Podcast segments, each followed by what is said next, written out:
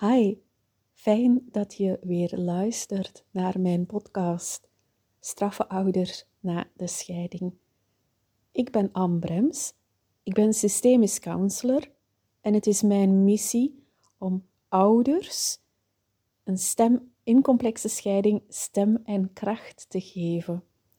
En op die manier werk ik onrechtstreeks met heel wat kinderen samen, want dat is de visie om kinderen in een complexe scheiding veerkrachtig, weerbaar erdoor te laten komen, zodat ze niet lijden onder al het gedoe, de spanning.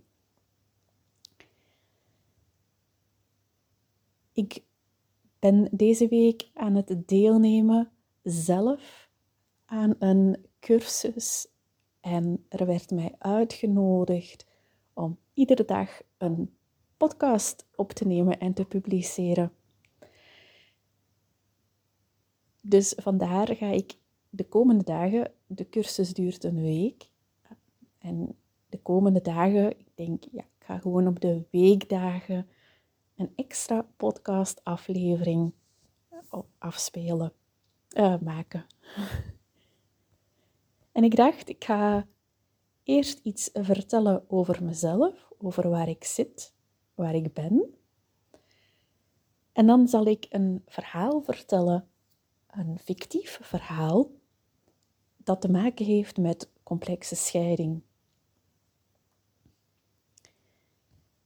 Ik neem momenteel deze aflevering op terwijl ik in het huis van mijn partner en zijn dochter ben. En wij zijn bijna zeven jaar samen, Gert en ik. Wij wonen op ongeveer vijf kilometer van elkaar. En toen we elkaar pas leerden kennen, was het natuurlijk vrij snel de vraag, gezien ook onze leeftijd, waar gaan wij wonen? Waar gaan wij samen wonen? Toen we al merkten dat de relatie ja, serieus was. En wij voelden allebei de druk. We moeten hier samen gaan wonen. Nu, hij woonde hier in dit huis al toen al tien jaar. En ik woonde in mijn huis, denk ik, vijf jaar. Ik had geen zin om mijn huis op te geven. En hij natuurlijk ook niet. Dat waardeer ik heel erg aan hem, dat hij gedurende heel die relatie heeft hij zijn dochter altijd op de eerste plaats gezet. Ik kwam op de tweede plaats. Dat was niet zo leuk voor mij, maar um, ondertussen zijn we dat al heel goed gewoon. En ja, we hebben dus een, dat heeft een naam, een latrelatie. Dat klinkt dan ook weer zo raar, alsof dat, dat geen echte relatie is.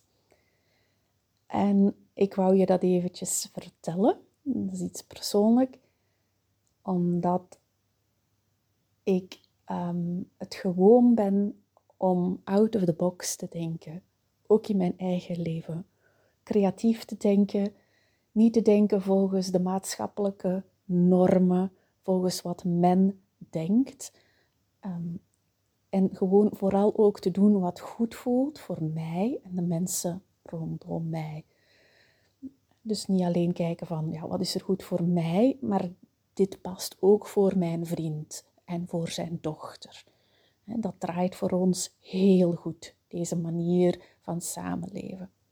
Dus ik zit momenteel hier. Normaal uh, gingen wij ehm, ja, Gert maakt dan altijd het eten, dus hij kookt uh, vers uh, voor ons. Hij staat erop dat hij kookt. Maandags kook ik wel, omdat hij dan later thuis is.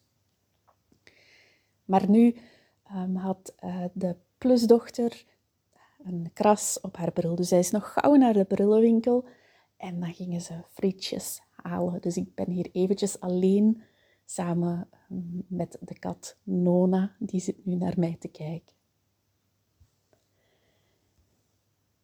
Voilà, dat was een inkijkje in mijn persoonlijk leven. De ouders uh, waar ik mee samenwerk, daar vertel ik al wel vaker over Gert en Paulien, maar ik denk niet dat ik hier al um, daarover verteld heb. En complexe scheiding is ook buiten de lijntjes kleuren. Daar zijn zoveel ideeën over in de samenleving. En vooral het idee een vechtscheiding. Twee vechtende, twee schuldigen. Dat is zo echt het idee dat drukt op ouders. En dan wordt er met de vinger gewezen naar beide ouders. En als jij dan een van die ouders bent, dan kan jou dat een heel slecht gevoel geven. Het gevoel dat jij dit jouw kinderen hebt aangedaan, ehm, dat jij verantwoordelijk bent voor het lijden van je kind. Dus ik ga daar met de ouders, nemen wij een andere weg, hè, want dat voelt niet goed, ehm, die manier van kijken. En wij gaan gewoon op een andere manier zoeken, kijken. Uh, voilà, we gaan out of the box gaan denken en ook voelen.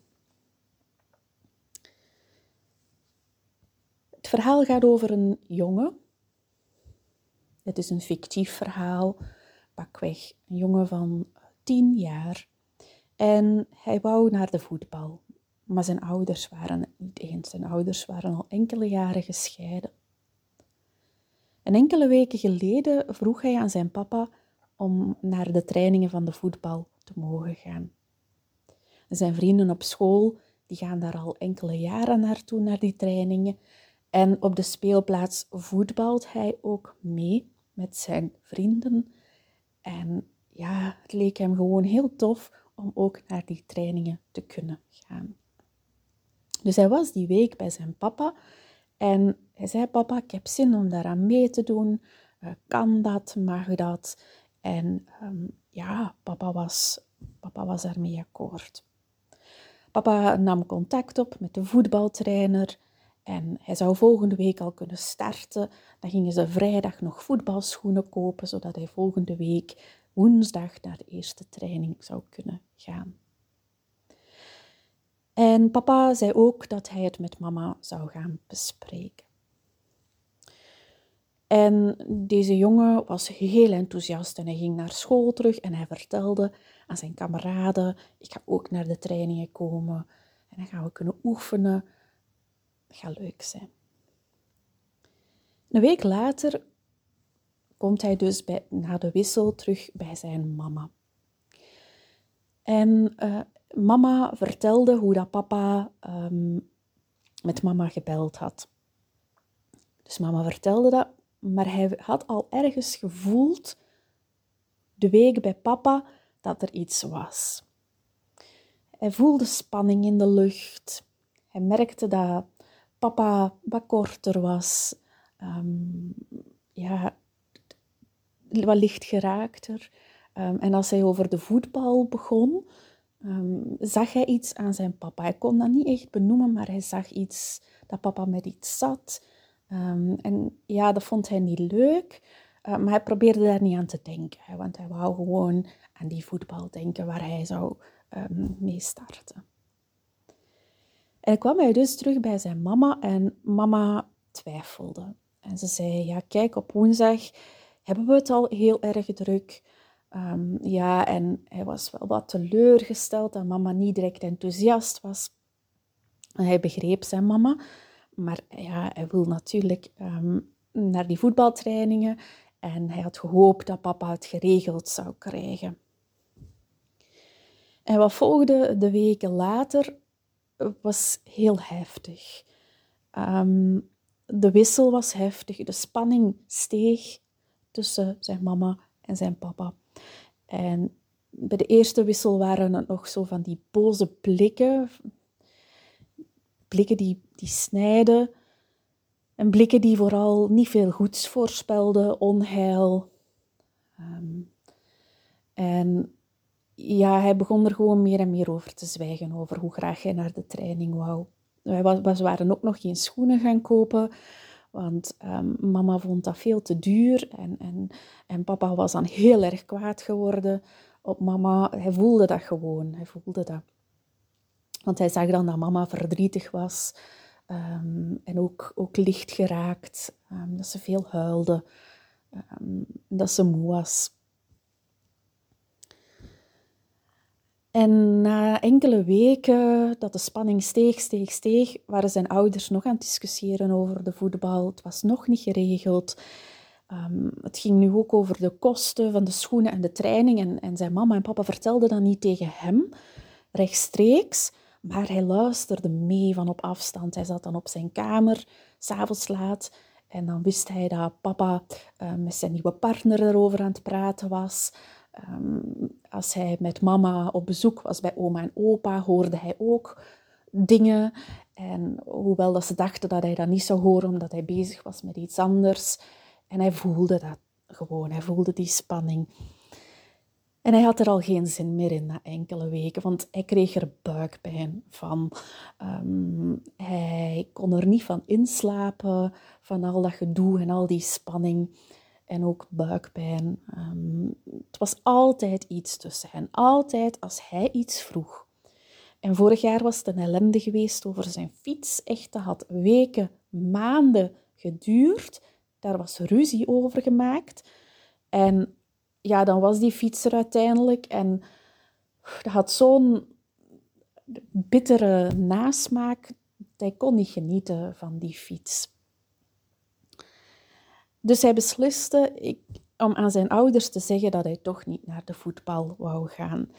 En ehm, ja, de reactie van zijn ouders kon hem eigenlijk al niks meer schelen. Zolang ze maar ophielden met die, dat gedoe, uh, met die spanning, als die weg was, dan was het eigenlijk goed.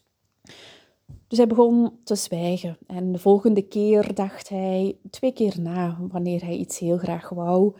Ehm, en dacht hij van ja, ga ik dat wel vragen? Durf ik dat wel vragen? En ehm, ja, hij zou meer en meer zwijgen. Niet bewust, maar gewoon om die, om, hij wilde niet wekenlang die spanning uh, bij zijn ouders. Pijler 2 bij Glinster is de muur opbouwen. Ouders die, zoals in dit voorbeeld, al jaren gescheiden zijn en waar kindzaken nog steeds veel spanning, gedoe geven, die zetten bij Glinster de muur stap voor stap op. Dat is niet iets dat je van dag 1 op dag 2 opzet en dan klaar is. Uh, dit is in het begin heel moeilijk, de muur opzetten.